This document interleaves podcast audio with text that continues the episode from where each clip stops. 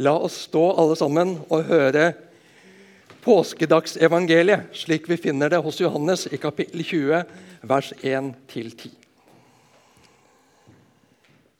Tidlig om morgenen den første dagen i uken, mens det ennå er mørkt, kommer Maria Magdalena til graven.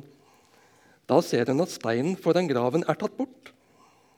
Hun løper av sted og kommer til Simon Peter og den andre disippelen, han som Jesus hadde kjær, og hun sier, 'De har tatt Herren bort fra graven, og vi vet ikke hvor de har lagt ham.' Da dro Peter og den andre disippelen ut og kom til graven. De løp sammen, men den andre disippelen løp fortere enn Peter og kom først. Han bøyde seg fram og så linklærne ligge der, men gikk ikke inn i graven. Simon Peter kom nå etter, og han gikk inn. Han så linklærne som lå der, og tørkleet som Jesus hadde hatt over hodet. Det lå ikke sammen med linklærne, men sammenrullet på et sted for seg selv. Da gikk den andre disippelen også inn, han som var kommet først til graven. Han så og trodde. Fram til da hadde de ikke forstått det Skriften sier, at han måtte stå opp fra de døde. Disiplene gikk så hjem. Slik, slik lyder Herrens ord. Vær så god, sitt.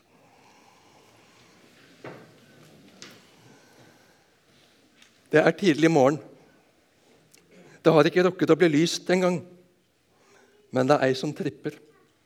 Hun er spent. Hun er fortvilet. Hun har det vondt. De tok mesteren. De plaget ham. De spottet ham. De drepte ham. Og nå er det alt tredje dagen siden han ble lagt i graven.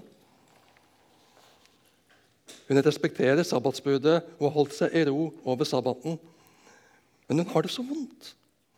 Hun var så glad i Jesus. Jesus hadde satt henne fri.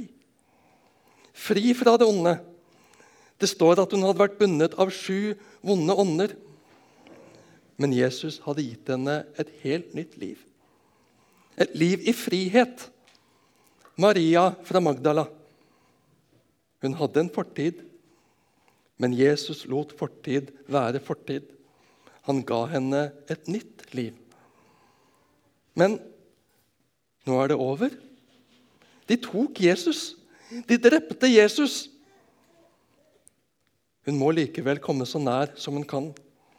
Hun går til graven, ja, før det er lyst. Men der møter hun det uhørte. Graven er åpnet. Steinen som lukket og stengte graven, er tatt bort. Hun er opprørt. Hun springer for å fortelle det til Jesu disipler. De har tatt Herren bort fra graven, og vi vet ikke hvor de har lagt ham. De lot ikke Jesus være i fred når han var død en gang. Så fryktelig! Hva skal vi gjøre? Hun ser, men hun ser ikke. Ikke ennå. Hun ser at graven er tom, men hun ser ikke Jesus' seier i det. Det er uhørt. Det er jo umulig. Det er utenfor hennes tankers rekkevidde. Hun er bare mer fortvilet. Men Peter og Ja, hvem er han egentlig? Den andre disippelen, står det. Han som Jesus hadde kjær. Var Jesus bare glad i én av disiplene? Hadde han en favorittdisippel? Favoriserte Jesus noen framfor andre? For oss så er det lett å tenke sånn. For vi har noen erfaringer av det. Noen er redd for oppkalling, for en er redd for at det skal føre til at det barnet blir favorisert framfor de andre. En har med seg noen erfaringer. Han som Jesus hadde kjær. Var det gullgutten, dette, altså? Nei, det var ikke slik. Det var enda bedre. Det er Johannes som skriver det. Det er bare han som bruker denne vendingen, han som Jesus hadde kjær. Og han bruker den om seg selv. Den andre disippelen er Johannes. Prøver han å framheve seg sjøl? Nei, det er ikke det som er saken. Han beskriver Jesus, hvordan han opplevde seg selv i møte med Jesus. Han kjente seg elsket av Jesus på en enestående måte. For Jesus så er jeg unik. Elsket, umåtelig verdifull. Og jeg tror det var akkurat det Maria også hadde opplevd. Maria Magdalena. Og Peter skulle oppleve det snart. Men nå er de på vei til graven. Peter og Johannes, etter å ha fått det vanvittige budskapet fra Maria Magdalena. Graven er tom. Så kommer det noen beskrivelser som virker unødig detaljerte. Uvesentlige detaljer for å få fram poenget, kan vi tenke. Men dette er øyenvitnet som forteller. Detaljene sitter som spikret. De løp sammen, men den andre disippelen løp fortere enn Peter og kom først. Han bøyde seg fram, så linnklærne ligge der, men gikk ikke inn i graven. Simon Peter kom nå etter, og han gikk inn. Han så linnklærne som lå der, og tørkleet som Jesus hadde hatt over hodet. Det lå ikke sammen med linnklærne, men sammenrullet på et sted for seg selv. De starter sammen, disse to disiplene, Peter og Johannes. Og de går ikke, de løper. Voksne mannfolk. Det er da upassende. Lite verdig, liksom, i den kulturen i hvert fall. Men de er opprørt. Hva er det som har skjedd? Johannes er raskere enn Peter og kommer først, sikkert pga. aldersforskjellen. Johannes var trolig den yngste av disiplene. Men han blir stående utenfor, se inn. Men Peter går inn. Og hva ser de? De ser linklærne ligge der og hodetørkle for seg sjøl. Pent lagt sammen hver for seg. Det er jo rene politirapporten. Krimteknisk avsnitt har gransket åstedet. Konklusjon her er det lite som tyder på gravskjenning eller likrøveri. Hvem ville tatt seg bryet med å pakke ut liket før en tok det med seg? Maria Magdalena, Peter og Johannes de ser det samme. Samtidig ser de ikke det samme. De er alle vitner til den tomme grav, men de leser den forskjellig. Noen har stjålet liket, er Maria Magdalenas raske og opplagte konklusjon. I hvert fall foreløpig. Og Det var versjonen de religiøse lederne skulle komme til å bestikke soldatene for å sette ut rykte om. At disiplene hadde tatt liket for å holde historien om Jesus levende. Men her får vi en helt annen historie. Disiplene som har sittet motløse, slukøret, tafatte. En avsluttet livet ved å henge seg i fortvilelse for sin forræderiske misgjerning. En annen gråt i fortvilelse over å ha fornektet all kjennskap til Jesus da han følte seg skikkelig pressa. De andre bare stakk av. De var redde, lammet av frykt. Drømmene som gikk i knus.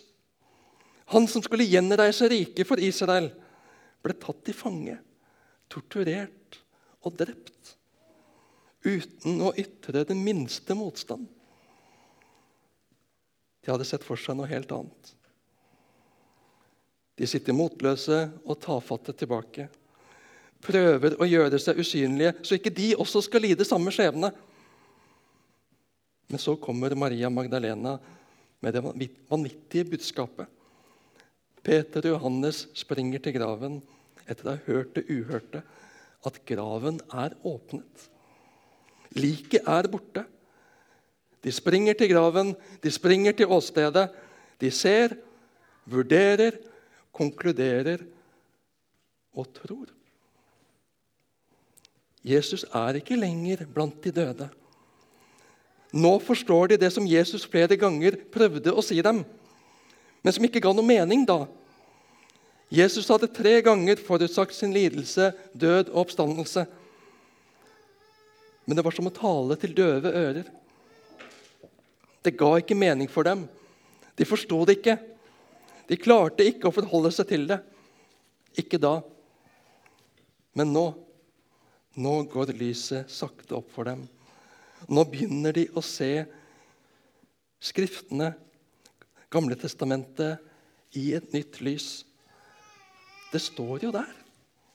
Det er forutsagt der at dette skal skje med ham. Maria Magdalena har sett det samme, men hun er låst i sin første tanke at liket av Jesus er stjålet. Det er bare fryktelig. Hun tror ikke. Ikke ennå. Og slik er vi mennesker. Vi ser ulikt, vi tolker ulikt, vi kommer ulikt til tro. Vi må ikke tre samme mønster over alle mennesker. Vi er ulike. Vi er unike. Og Jesus møter oss ulikt. Jesus møter oss unikt. Maria Magdalena skal også snart få se mer enn at graven er tom. Etter at Peter og Johannes har gått, så blir hun stående gråtende ved graven. Da får hun se. Da får hun møte. Da får hun prate med den oppstandende Jesus. Og bildet blir totalt annerledes. Den tomme grav vekker ikke fortvilelse lenger. Når hun nå for andre gang denne morgenen springer til disiplene med et uhørt budskap, så er det ikke opprørt og fortvilet, men full av glede og begeistring. Jeg har sett Herren! Jesus lever! Vi kan se det samme tilsynelatende, men tolke ulikt. Vi kan oppleve det samme, men sitte igjen med helt annerledes opplevelse. Jesus møter oss forskjellig. Vi kommer til tro til forskjellig tid og på forskjellig måte. Bare vi er åpne for å se Jesus. Søke ham der han er å finne. Jesus tvinger ikke igjennom tro på seg. Jesus gjør oss ikke nødt til å tro på ham, så det ikke er mulighet for tvil. Vi velger om vi vil slippe Jesus innpå oss. Så kan vi komme med mange gode grunner for å tro. Vi behøver ikke å stikke huet armen, armen i vind for å tro. Det er mange gode argumenter for Jesu oppstandelsesrealitet. Åstedsgranskningen, f.eks., er et slikt argument. Hvorfor lå linklærne igjen og hodetørkleet for seg, og noen stjal liket i nattens mulm og mørke? Hvorfor pakker liket? Et annet argument for Jesu oppstandelses realitet er hvem ville valgt ei kvinne med snuskete fortid som førstevitne? Om det handla om å sy sammen en historie så folk flest ville tro på? Lite sannsynlig i en kultur, i et samfunn hvor kvinners vitneutsagn var lite verdt. Og hvem er villig til å dø martyrdøden, noe alle disiplene med ett unntak gjorde? for et budskap som en vet er oppspinn. Jesus tvinger ingen til seg, men han inviterer. Han åpner dører for den som vil gå inn. Det er gode grunner for å tro. Jesus river bort stengsler for den som vil ta imot, men han bryter seg ikke inn. Han banker på. Han går villig inn der han blir invitert. Og han forvandler. Han skaper nytt liv. Maria Magdalena ble oppreist, frigjort til et nytt liv. Peter fikk noe nytt å leve for, mer enn å skaffe mat på bordet til sine. Johannes ble forvandlet innenfra ved å oppleve seg genuint elsket. Ikke for det han gjorde, men i seg selv, for den Jesus er. Sånn er Jesus. så er jeg barn av min tid. Jeg er opplært og oppfostret i et samfunn som lønner prestasjon. Som setter karakterer på mennesker ut ifra det de presterer. Som heier på enerne. Andreplass er tap. Det handler om å skille seg ut ifra mengden og være outstanding. Min verdi måles i det jeg får til, lykkes med. Er gjengs i samfunnet vårt. Og det er slitsomt. Fallhøyden er stor. Redselen for å mislykkes kan fortsatt true med å binde meg, men jeg innser at det er en tankegang som ikke er fra Gud. Vi lever i et samfunn som jobber for at vi stadig skal leve lenger. Overvinne sykdom og smerte. Ja, det er klart vi vil leve. I hvert fall hvis vi kan bli fri smerten. Kjenne håp, glede, mening og mestring. Vi er skapt for å leve. Men vi bindes så lett av en endimensjonal tenkning. Livet her og nå, prestasjon og suksess blant mennesker. Jesus sprenger grenser. Jesus sprenger tankemønstre. Jesus bryter med det forventede. For han ser så mye lengre. Han ser så mye videre. Jesus tok på seg lidelsen for alle som lider. Jesus tok på seg synden og straffen for alle som synder, og ikke selv maktet å stå til regnskap for våre nederlag. Jesus gjør opp for det onde. Han tar et oppgjør med det onde. Jesus seiret gjennom lidelse og død. Han overvinner døden.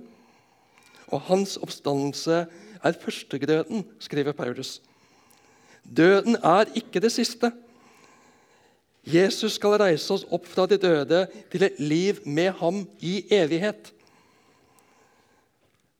Du skal få erfare å bli satt fri som Maria Magdalena. Du skal få erfare oppreisning og ny start og få noe nytt å leve for, slik som Peter.